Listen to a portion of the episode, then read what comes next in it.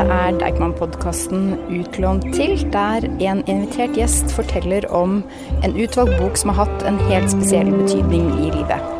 Jeg heter Kaja og jobber med program og formidling på Deichman. Og akkurat nå så står jeg ute i biblioteket og venter på dagens gjest. Han er artist og scenekunstner og heter Nils Beck. Hei, Nils. Hei. Hei. Velkommen til biblioteket. Takk. Så hyggelig. Jeg har på Vi er i gang. Ja, jeg er i gang. Så hyggelig. jeg skal begynne med på at jeg skal levere en bok etterpå. Ja, da er du på riktig sted. Ja. Så vi skal eh, jo finne boka først, og vi skal helt eh, øverst. Ja, du har allerede lokaliteten. Det har jeg. Så nå er det din tur. Vi, Ja. vi tar rulletrappa. Ja. Jeg elsker at det er åpent. Det nesten liksom katedralfølelse. Jeg ble, jeg ble så Skjønner hva du mener. Jeg ble så lykkelig første gang jeg gikk inn her. Ja. Nå er vi kan- øverst. Nå er vi øverst. 480, men der er plutselig 486. Litt lenger ned, tror jeg. Så Men her er det også 486. Der! Men det ser riktig ut. er ikke den da plassert feil? Det må vi, vi må melde fra. 354, Dårlig 8. biblioteksarbeid. 48, 96. Ikke sant? 96, Ja. 81. Ja, Da vært den plassert feil, vil jeg understreke. Ja, det er notert. Men du, hvilken bok er det vi skal snakke om i dag? Det er Kamara Lundestad Jof sin bok som heter 'Jeg snakker om det hele tida'.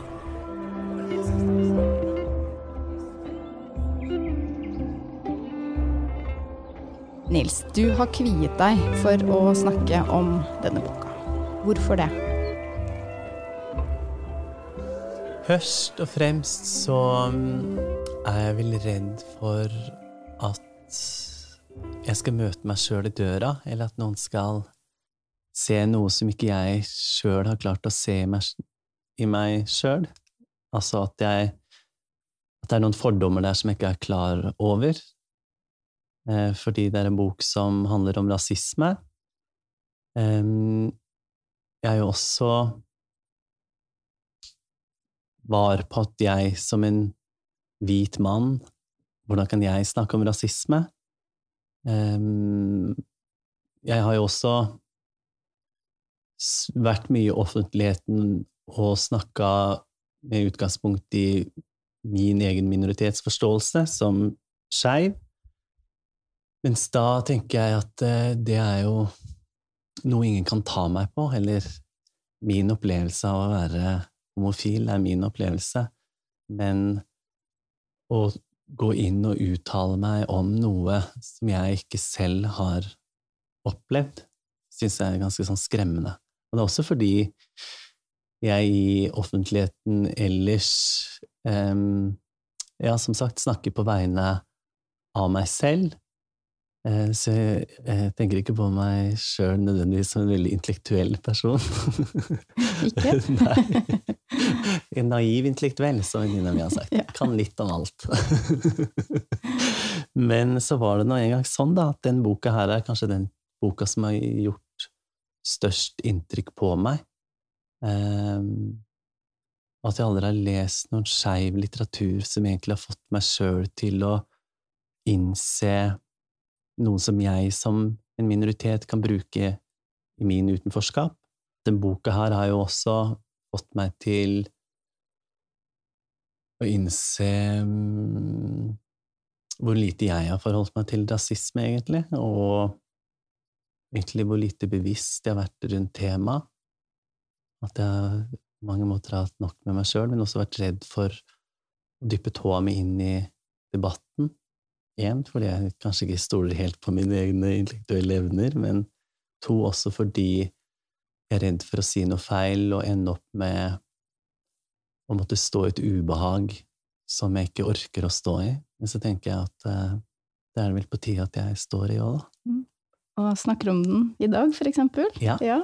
Det har vært en øyeåpner over I hvert fall i denne boka her så kommer det veldig tydelig fram hvor altoppslukende det er for hennes eh, Hva skal vi si eh, liv. Mm. Og hvor og gjennom boka så er det en rød tråd fra barndommen fram til i dag, og hvordan hun forholder seg til de ulike situasjonene og tolker eller analyserer de. Når var det hun skulle ha reagert? Når hadde hun selv fordommer? Når overreagerte hun? Det er noe i at hun snakker jo også i boka om, om det ubehaget hun så ofte ender opp med å stå i. Så Mm. tenker jeg, hvorfor skal jeg på en måte tillate meg å ikke være en del av det ubehaget? Rett og slett. Kan du ikke lese litt fra starten av boka? Ja. Eh, Det her er jo første gang jeg leser høyt nynorsk siden jeg gikk på videregående. Ja, ikke sant? Og jeg er jo også litt, kanskje litt kjent i offentligheten for ikke å være et språkøre, så du får bære over med meg. Kjære bror. Gjennom hele oppveksten i de hvite heimene kalla de oss negerbarna. Det blei sagt leikande og vart med kjærleik. Mens tremenningar og fettrar fikk være barna til onklar og barna til tanter, var vi alltid negerbarna til mamma. Sjokoladebarna. Og jeg husker da jeg var elleve. Jeg husker at hele kroppen din dirra, du vibrerte. Det var bursdagen til mormor, og du prøvde å forklare alle de voksne på en gang at du ikke ville mer, at du ikke orka det ordet, at det ordet fikk det til å rykke i kroppen din, at det var feil, at det var vondt. Du blunka tilbake tårene, og røysa di auka i volum, og du var klønete og uartikulert og mer sint enn tydelig. Og du var 13. Så fikk du høre at sånn har det alltid vært, og sånn vil det alltid være. Vi alltid brukt ordet. En sier jo negerboller òg. Er alt med eit blitt gale nå? Herregud, du vokser opp i Norge og ikke i USA. Nå er du svært sensitiv, vennen min, vi mener jo ikke noe vondt med det. Og så snudde mormor seg mot meg og sa, Kamara har jo ikke noe problem med at vi bruker det ordet, eller? Og jeg svarte at jeg ikke hadde noe problem med det, at jeg faktisk likte det, at vi sier trass alt negerboller i dette landet, og at du var latterlig om du trodde du var en gangster fra USA.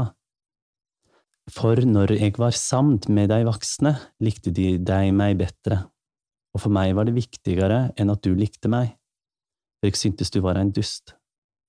Og lufta seiv ut av deg som fra en ballong, du sprakk ikke, du må ha skjønt at du var aleine, du gikk ut i hagen og sette deg. De voksne sa du skulle få furte ferdig i fred, jeg ble værende inne og åt banankake. Det kjentes som jeg hadde vunnet noe. Det hadde ikke rykt i kroppen min, ikke ennå. Jeg drømmer om det om natta. Du og jeg, vi har aldri snakka om det, og jeg har heller aldri bedt om årsaken, men jeg lover å gjøre det før denne boka går i trykken. Og så er det neste kapittel som jeg også gjerne vil ta med en liten del av. Så når jeg sitter i en taxi i København og sjåføren spør hvor jeg kommer fra og hva jeg gjør, så svarer jeg. Når han spør om hva slags kunst jeg lager, så svarer jeg. Og når han spør om han kan stille meg et personlig spørsmål, så sier jeg ja. Og så spør han om jeg tror det er en raseskilnad på å ligge med svarte damer sammenlignet med hvite damer. Han har alltid hatt lyst til å ligge med ei svart dame, fordi vi kanskje har noe mer dyrisk i oss, i DNA-et på en måte? Eller tror de kanskje det handler mer om kultur enn om hudfarge? Så svarer jeg han, og pedagogen er på, så jeg svarer saklig og sakte, med forståelige ord og røys som ikke skingrer. Er røyst uten støy, og jeg er mer tydelig enn sint. Han takka meg for svaret og sier det hadde han ikke tenkt på, og det skal han tenke, tenke mer på. Og neste gang han skal og neste gang skal han til og med kanskje tenke seg om, og jeg betaler, og går ut av taxien og tar en sigarett før jeg trykker på ringeklokka til venninna mi, for jeg har ikke lyst til å være hun som igjen kommer stormende inn i leiligheta på besøk og får alt til å handle om meg sjøl og noe som har skjedd meg. Dette skjedde meg, som igjen for alt vil handle om meg og hudfargen min, så jeg tar en røyk før jeg ringer på, trekker røyken dypt ned i lungene, drar det ned i magen. Tusen takk. Takk til Kamara. Ja, ja, takk til Kamara. Eh, hvordan er det å lese det igjen? Jeg blir jo litt satt ut. Jeg tenker det er så jævlig, rett og slett. Mm. Det det. At de At det er noe som er så inkorporert i hennes hverdag, i hennes liv. I hennes forståelse av hvordan verden ser henne, da, eller Mm. i hvert fall noen i denne her verden. At det er noe som har fulgt henne Mm. gjennom hele livet, og som sikkert kommer til å følge henne resten av livet òg, da. Men eh, tilbake til det vi åpnet med, at du har eh, kvidd deg litt for å snakke om, eh, snakke om boka og tematikken. Mm -hmm. det gjorde jo at du faktisk tok initiativ til å ta en, en kaffe med forfatter Kamara Ja. før vi skulle møtes og, og snakke sammen. Ja. Hvordan gikk det? Um, Og hvorfor det? Hva ville du Ja. avklare med henne? Nå har jo vi møttes i en del uh, ulike sosiale sammenhenger, så vi kjenner hverandre litt. Eh, og så hører dere med til historien at eh, det var en klassisk blåmandag, så jeg var litt ekstra Ja. så alt i verden var litt skummelt, som det noen ganger kan være på en mandag. Eh, det på en måte litt teite med det, eller på et eller annet vis litt skamfulle med det, er jo at jeg jo Og som jeg sa til henne i kaffen òg, her bruker jeg av tida di fordi jeg gruer meg til å stå i det ubehaget som jeg også um, nå utfordrer meg sjøl til å stå i, fordi jeg aldri har trengt å gjøre det, fordi jeg er privilegert. Og så legger jeg litt av det her ansvaret over på deg, at du skal hjelpe meg til å klare å stå i noe som du står i kanskje daglig, da. Mm. Um, men vi snakka om mye annet rart òg, Ja. altså. Så, så det var jo også et sosialt møte. Ja. Eh, da lo jeg godt, Ja. og skjønte at jeg hadde et poeng. eller, eller jeg tenker latteren eh, sier vel at eh, At jeg har et poeng der, ja. Mm. Em, men en, følelse jeg satt igjen med etterpå, var at den em, Det ubehaget, eller den usikkerheten som oppstår i det jeg snakker om rasisme, er eh, sunt for meg å, å stå i, Mm. rett og slett. Men det er vel et annet element også, om jeg har forstått det riktig, som eh, handler om eh, at du også opplever en gjenkjennelse ved å lese om hennes erfa rasismeerfaringer. Det er vel kanskje det som eh, gjør meg, eller som har gjort meg mest nervøs. At kan jeg trekke noen paralleller her, eh, som en minoritet, men som eh, er en hvit mann, da. Mm. Eh, og så tenker jeg jo at i noen situasjoner så er det i hvert fall en likhet at jeg har møtt masse fordommer um, ut ifra en side av meg selv som ikke jeg har valgt. Jeg leses som homofil, og jeg har blitt lest som homofil før jeg engang hadde tenkt over at jeg var homofil. Og det at, det at jeg er homofil, har blitt brukt mot meg i sammenhenger og på en måte um, gjort noe med hele min selvforståelse, da. At, um, og at når jeg leste denne boka, så kunne jeg kjenne meg igjen i den prosessen, innvendig tankeprosessen. Overreagerer jeg nå? Skulle jeg sagt ifra? Var det virkelig sånn? Er, det, er jeg litt hysterisk nå? Uh, men også at i situasjoner vi har sagt det her opplevdes som feil for meg, eller uh, jeg føler meg mobba av den personen der, så har jeg også blitt møtt med en korrigering som er sånn, men er du sikker på det?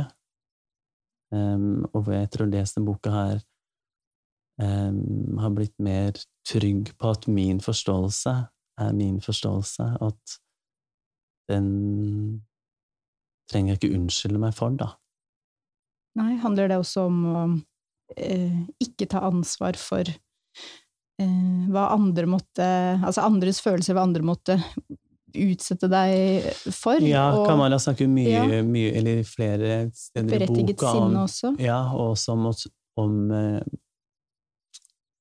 opplevelsen av et ubehag Mm. over at Idet noen viser en fordom eller en urett, eller i hennes tilfelle da rasisme, overfor henne, så er det noen kapitler i boka hvor hun kommer inn på at hun kjenner på ansvaret for at nå blir det dårlig stemning.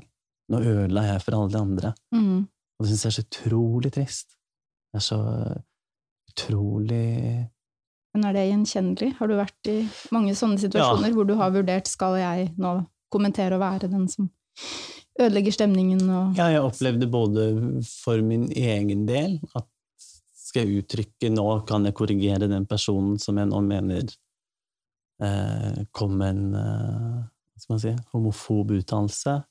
Jeg har også så vært i situasjoner hvor jeg har tenkt at nå opplever den personen rasisme, og så har ikke jeg visst om jeg skulle eh, gå inn i samtalen fordi jeg har vært redd for at um, jeg bare at jeg skal gjøre et eller annet feil, da. At det skal virke overstyrende. At jeg kan tenke Men kanskje eh, jeg umyndiggjør personen hvis jeg går inn og avbryter nå, eller, eller står, til, står opp for den personen.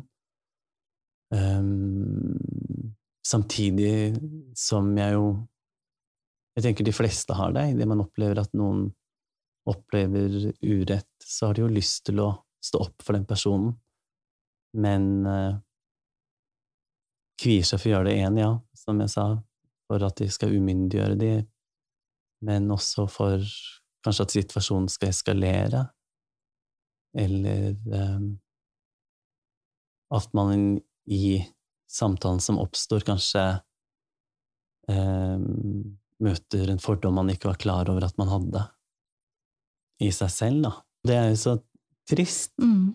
og det gjør jo også at vi i så mange spørsmål ender opp med å ikke komme videre. Jeg tenker jo vi mennesker er jo sånn skrudd sammen at hvis vi slapper av et kvarter på alle ismene, så viser historien oss at vi går to skritt tilbake. Sånn er menneskedyret, dessverre. At det kanskje handler om gruppetilhørighet og behovet for å um, definere seg, og, og at det er en, kanskje en, enkel, en, en veldig enkel måte å definere seg selv på, er ved å ta, ta um, avstand fra andre, eller påpeke ulikheter. Og vi ser det jo også nå i forhold til det politiske klimaet i flere østeuropeiske land hvor folk går til, til valg Ja. ved å skape et veldig eh, stygt klima, da, for, for mange minoriteter. Det er veldig, veldig skremmende. Um, Og det sier jo noe om at hvis vi Slapper av, av ja. kvarter, så går vi faen meg to skritt tilbake.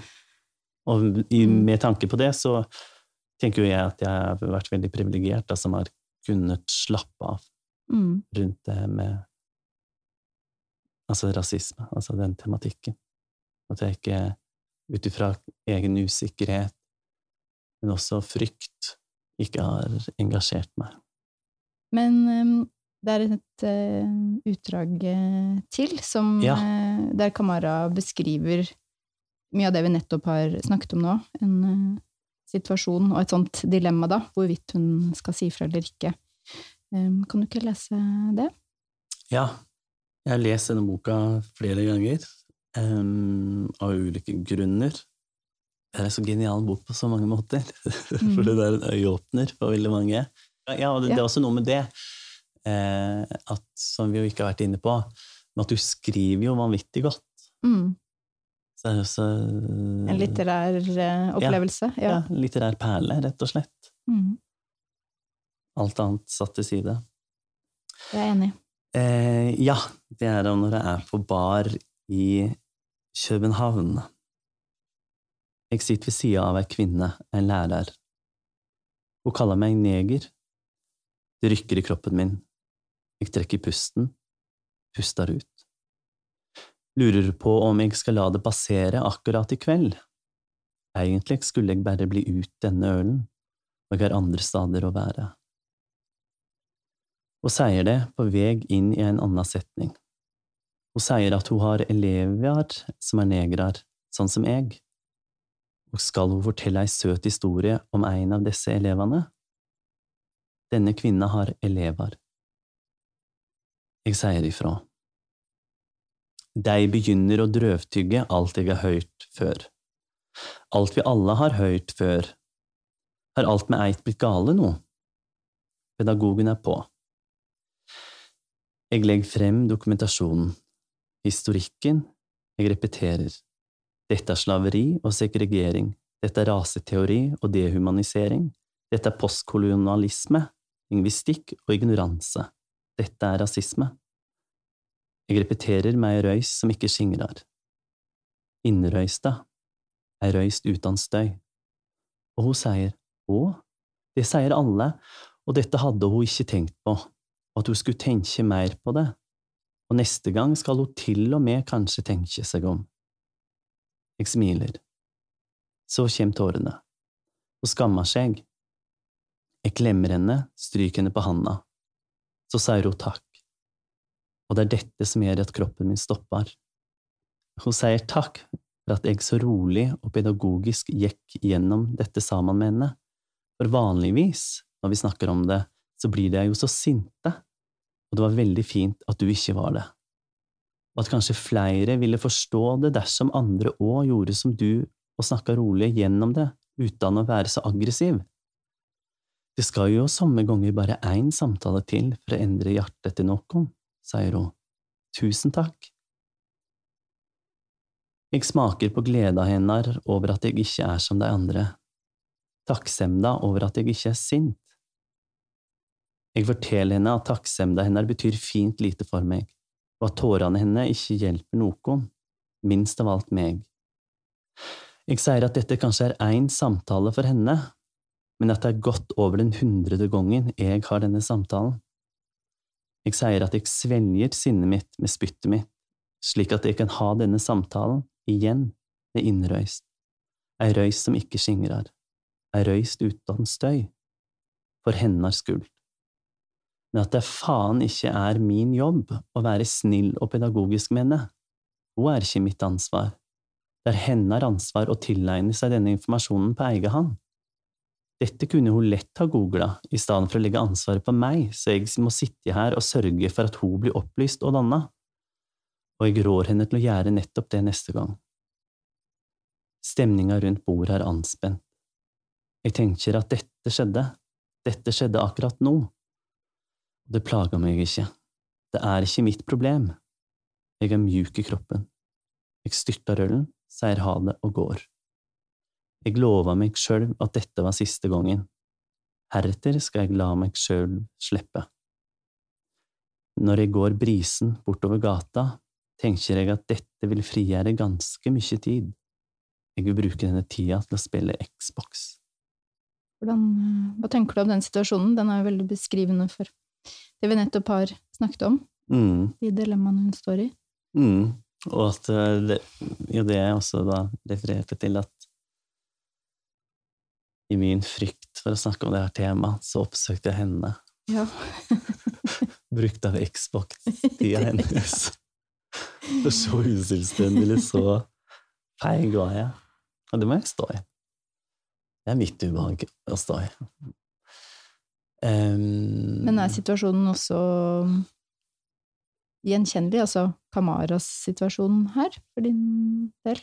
Det som kanskje gjør at den, det kapitlet har um, vært så viktig for meg, eller har blitt så viktig for meg, er jo måten hun tillater seg sjøl å kjenne på det sinnet, og være lei, å være ferdig på mange måter med en urett som blir begått mot henne, og, kjenne, og ta det ansvaret for at noen begår uretten. Mm. Um, og ikke ta hensyn til lærerens følelser, da. At det er ikke Kamara sitt ansvar. Det syns jeg er noe magisk, i hvert fall for min egen opplevelse av det ved å være en homofil mann, da.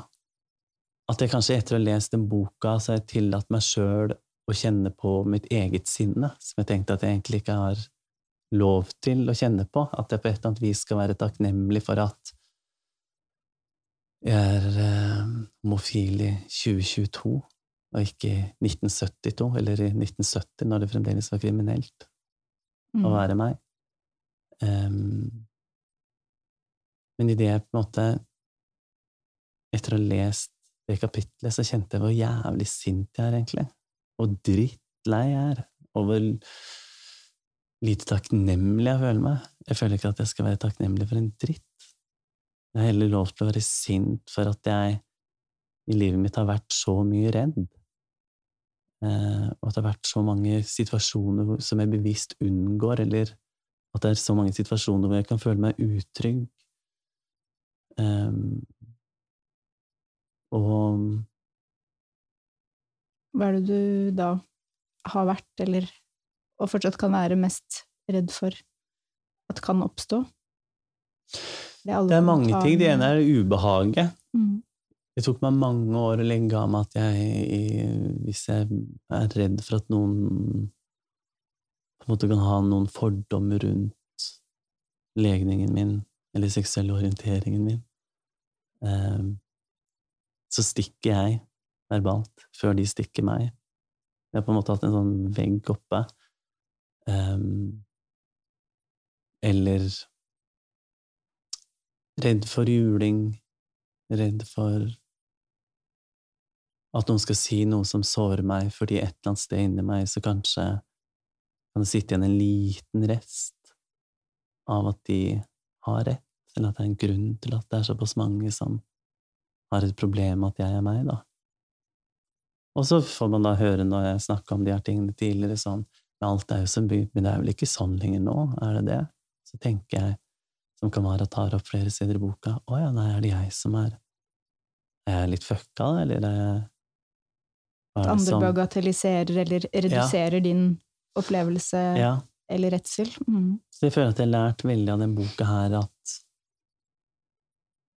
er det situasjoner hvor folk snakker om noe ubehagelig, eller som jeg syns det er ubehagelig å bli konfrontert med, og at jeg i mitt ubehag går inn og korrigerer deres opplevelse av det fordi jeg ikke orker å stå i det. At jeg også kan gjøre det mange i, Eller kan ha gjort det i, i situasjoner, da. Og så veit jeg jo sjøl hvor ubehagelig jeg syns det er når noen går inn og sier at nei, det du føler, eller det du tenker nå, det stemmer ikke, eller eh, sår en tvil rundt det, da.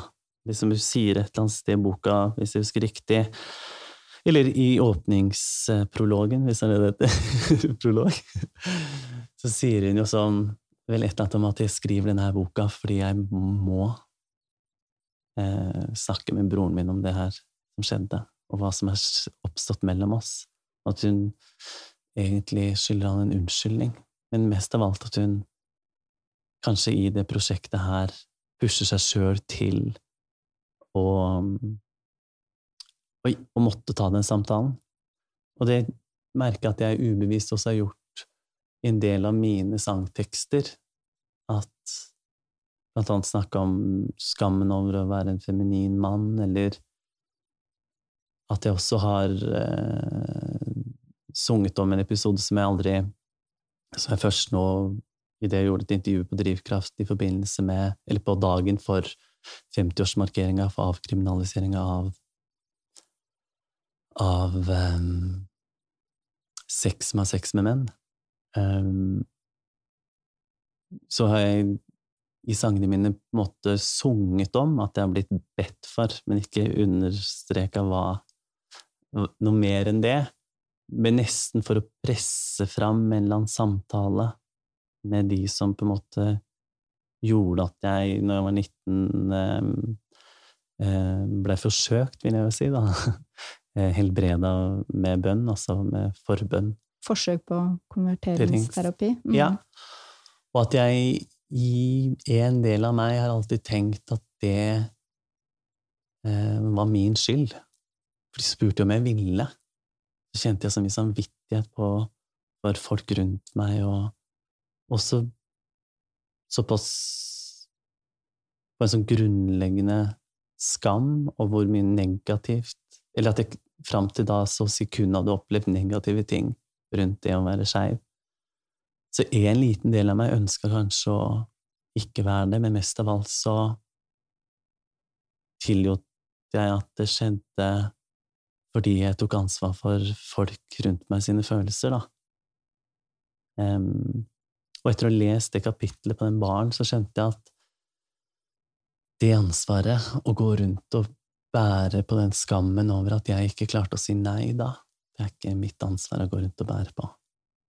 Det var en sånn ordentlig sånn bryter i meg, som jeg er veldig takknemlig for at jeg, at jeg oppdaga, takket være boka til Kamara. da. Ja. Har du fortalt henne om akkurat det? Den betydningen Ja, det sa jeg da i går når, ja. vi, når vi drakk den kaffen. Mm. Rett og slett. Så det er vel noe her i det at det føles unaturlig å ikke snakke om på en måte hva den boka har Eller hvilken påvirkning den har hatt på meg for min egen forståelse av, av meg selv, samtidig som jeg da tenker kan jeg trekke paralleller her? Men jeg kan trekke i hvert fall paralleller mellom sinne på Eller tenker jeg følelsene som oppstår idet en urett blir begått mot deg for noe som bare handler om hvem du er. Eller ja, mm. Som er noe Som ikke er noe annet enn at man um, er en del av en minoritet, da. Det er jo ikke noen helt umiddelbar løsning på alt det vi har snakket om nå, men eh, Kamara kom jo med en oppfordring eh, avslutningsvis.